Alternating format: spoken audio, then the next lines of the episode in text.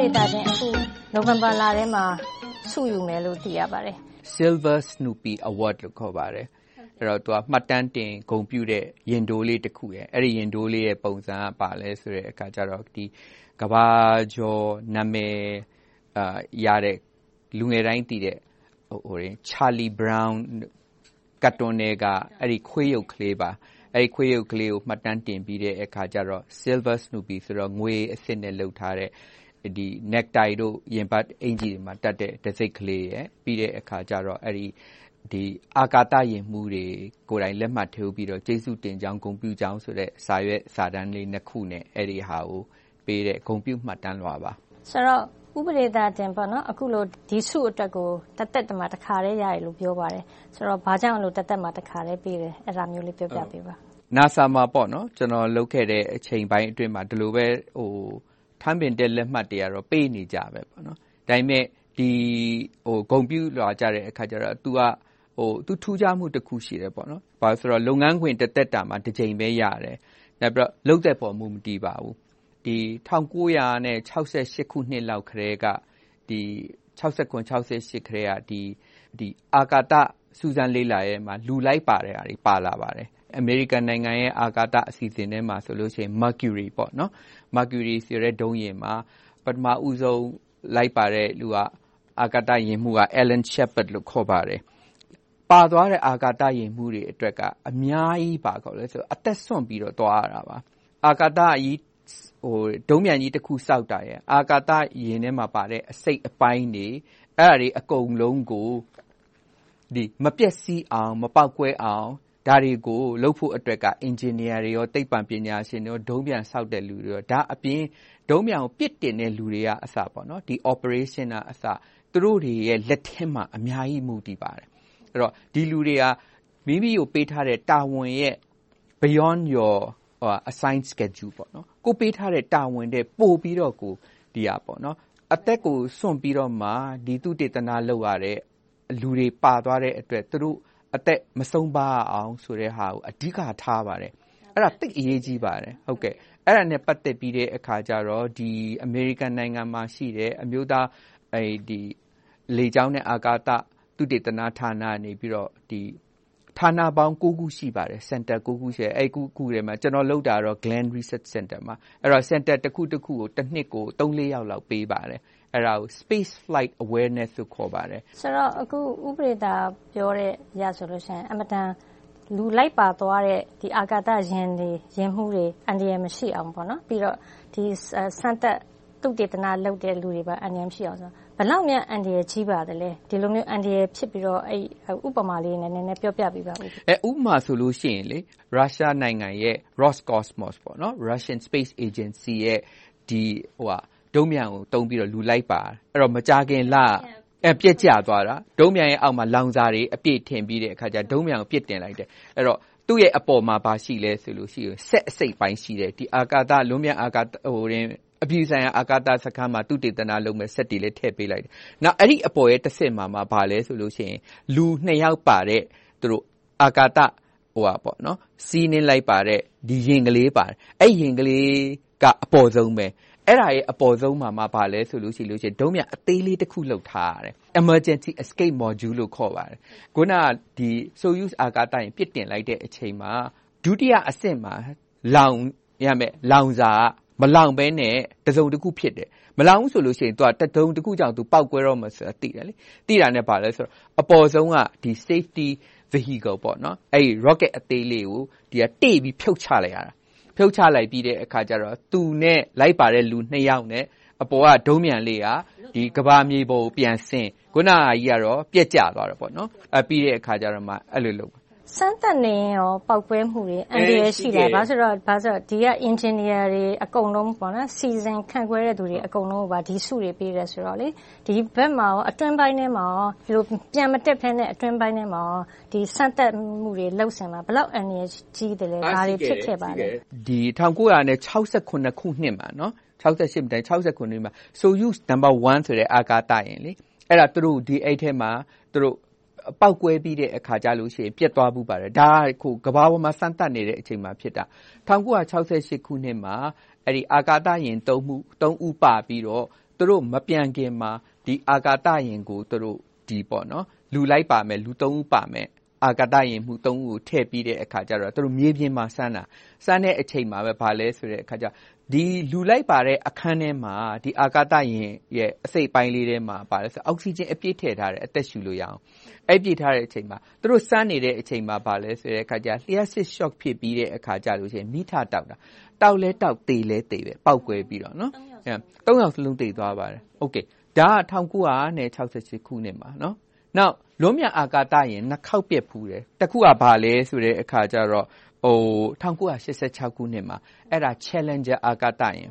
Challenger အာကာသယာဉ်တော့အာကာသယာဉ်မှု9ဦးပါပါတယ်နော် သူကဘာလဲဆိုအာကာသယာဉ်ကိုမောင်းနေတဲ့လူပဲ့ထိန်တဲ့လူအပြင်အာကာသသုတေသနလုပ်မဲ့လူနောက်3ယောက်လည်းပါပါသေးတယ်အဲ့တော့အားလုံးပေါင်း9ယောက်ထင်ပါအဲ့ဒါ9ယောက်စလုံးကဒီတက်ပြီးဟိုပါပေါ့နော်15စက္ကန့်အစက္ကန့်20လောက်အတွင်းမှာပဲဒုံးမြန်ပေါက်ထွက်သွားတယ် ပေါက်ထွက်သွားတာ တခြားကြောင့်မဟုတ်သူ့ရဲ့ဒီဒုံးမြန်ကိုဒီအပေါ်ကိုလွှတ်တင်ဖို့အတွက်ကို trust ကဘာပါဘာပါလာလဲဆိုတော့ liquid oxygen လို့ဟာမျိုးပေါ့နော်အဲ့ဒါတွေပါတယ် အဲ့တော့ သူတို့ pipe တွေကိုတက်ဆက်တဲ့နေရာတွေမှာ ဘာရှိလဲဆိုလို့ရှိလို့ရှိရင် o-ring ရှိတယ် သူက rubber o-ring သူကတိတ်အေးတဲ့အချိန်ကျတော့ အဲ့ rubber o-ring ကနော်အာအနှုတ်200နီးပါးလောက်ရှိတဲ့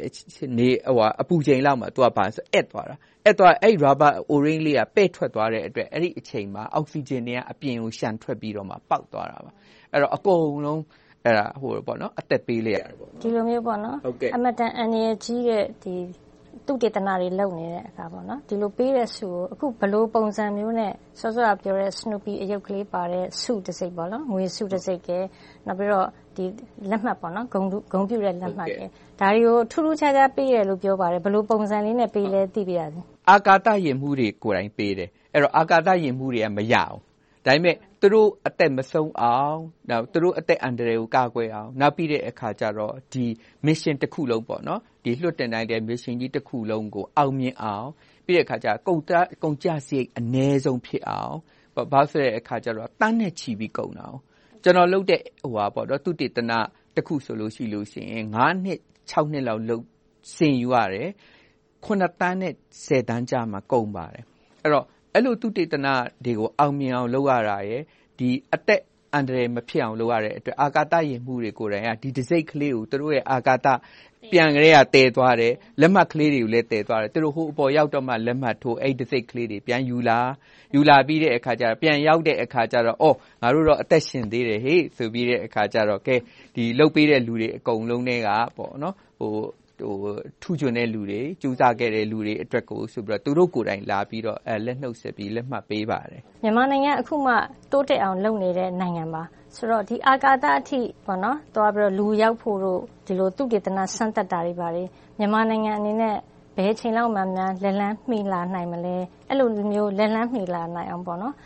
မြန်မာနိုင်ငံဘာတွေလုပ်ဖို့လိုလဲ နည်းနည်းအကြံပေးပါ အဓိက ဘာလဲဆိုလို့ရှိလို့ရှိရင် ပညာရေးကဏ္ဍကို အားပေးဖို့တိတ်အရေးကြီးပါတယ် အဲ့တော့ တိုးတက်တဲ့ နိုင်ငံတွေအကုန်လုံးမှာရှိတဲ့ သိပ္ပံပညာရှင်တွေရောဒီဟိုပါပေါ့နော်လူမှုရေးနဲ့ လေ့လာတဲ့သူတေသနာပညာရှင်တွေ ကျွန်တော်နဲ့ အမြဲတမ်းကြုံတဲ့အခါကြလို့ရှိရင် မေးပါတယ် မေးရစီလို့ရှိရင်သူကမင်းတို့တိုင်းပြည် တော်တော်ကို ချမ်းသာတယ် ဘာကြောင့် ချမ်းသာလဲ အဓိက ဘာလဲမေးလို့ရှိရင် သူကတခုပဲပြောတယ် education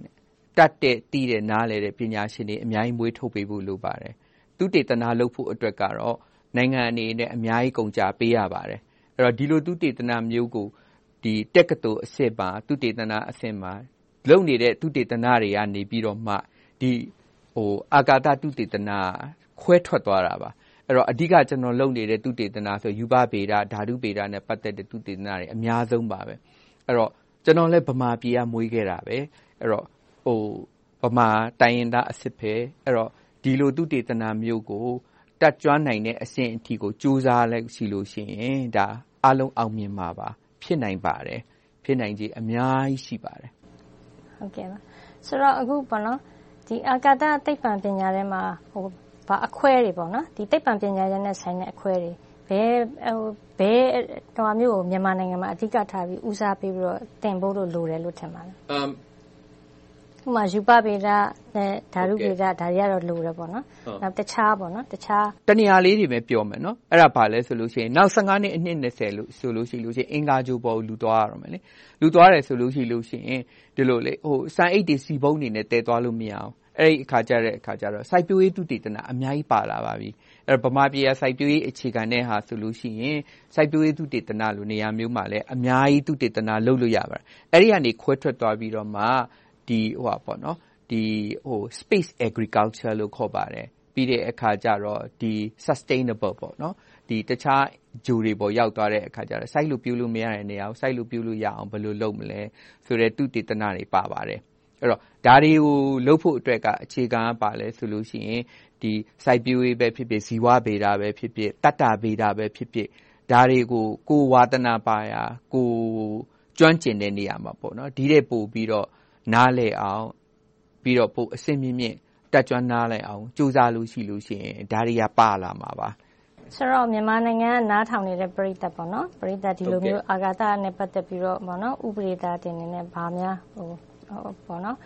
အားပေးချင်ပါလဲ။အားပေးချင်တာကတော့တချိန်ကြလို့ရှိရင်မကြာမီအချိန်အတွင်းမှာကျနော်တို့တိုင်းပြည်ကနေငြိမ်းချမ်းစွာ ကမ္ဘာကြီးအတွက် ငြိမ်းချမ်းစွာ အသုံးပြုနိုင်မယ့် သုတေသနလုပ်နိုင်မယ့် အာကာသထဲမှာ သုတေသနလုပ်နိုင်တဲ့ လုပ်ငန်းမျိုးကို အောင်မြင်အောင်၊ဖြစ်ပေါ်လာအောင် ကိုယ့်တိုင်းပြည်ကို ကိုယ်စားပြုတဲ့လူတွေ အများကြီး ပေါ်ပေါက်လာအောင် ကြိုးစားစေချင်ပါတယ်။ဖြစ်နိုင်စွမ်းလည်း ရှိပါတယ်။ဗမာပြည်မှာ လုပ်နိုင်တဲ့ လူတွေအများကြီး ရှိပါတယ်။သူတို့အနေနဲ့ ကျောင်းသူကျောင်းသားတွေ၊ပညာရှင်တွေအကုန်လုံးအများကြီးမွေးထုတ်ပေးပါ။မွေးထုတ်ပြီးတဲ့အခါကြတော့ကြိုးစားပြီးတော့ဒီဘက်ကနိုင်ငံတကာနဲ့ပူးပေါင်းဆောင်ရွက်ပြီးတော့သုတေသနလုပ်နိုင်ကြပါစေလို့မျှော်လင့်ပါတယ်။